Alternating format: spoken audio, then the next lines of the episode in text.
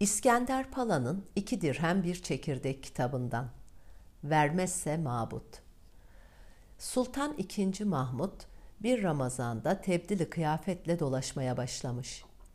Üsküdar'da bir ayakkabıcıdan çekicin boş örse vurulduğunu, tıkandı da tıkandı seslerini duyunca merak edip içeri girmiş. Kimliğini belli etmeden bunun ne anlama geldiğini sormuş. Adam anlatmış. Bir gece rüya gördüm. Rüyamda çeşmeler vardı. Birkaç çeşmeden şırıl şırıl su akıyordu. Birkaç çeşmeden su sızlıyordu. Çeşmenin birinden su damlıyordu. O sırada yaşlı bir adam geldi. Bunun ne anlama geldiğini sordum.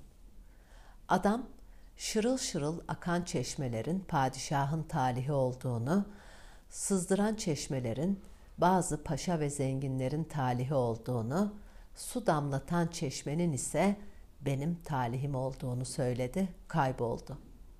Ben de bir çöp bulup damlatan çeşmeyi açmaya çalıştım. Çöp çeşmenin içinde kırıldı. İşte o günden sonra hiç işim olmadı. İflas ettim diye anlatmış. Sultan II. Mahmut saraya gidip bu olayın doğru olup olmadığını araştırtmış. Adamı tıkandı baba diye çağırırlarmış. Öyle bilinirmiş. Anlattıkları da doğruymuş. İkinci Mahmut bir tepsi baklava hazırlatıp her dilimin altına birer altın lira konularak iftariyelik diye zengin birinden gitmiş iftariyelik diye tıkandı babaya gönderilmesini söylemiş.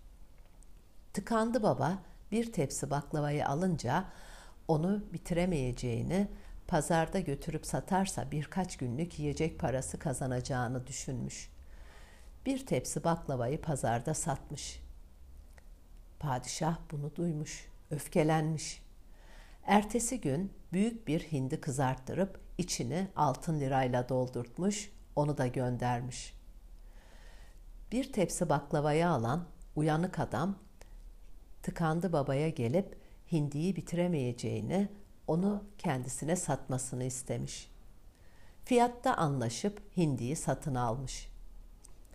İkinci Mahmut bunu duyunca çok öfkelenmiş, tıkandı babayı çağırtmış.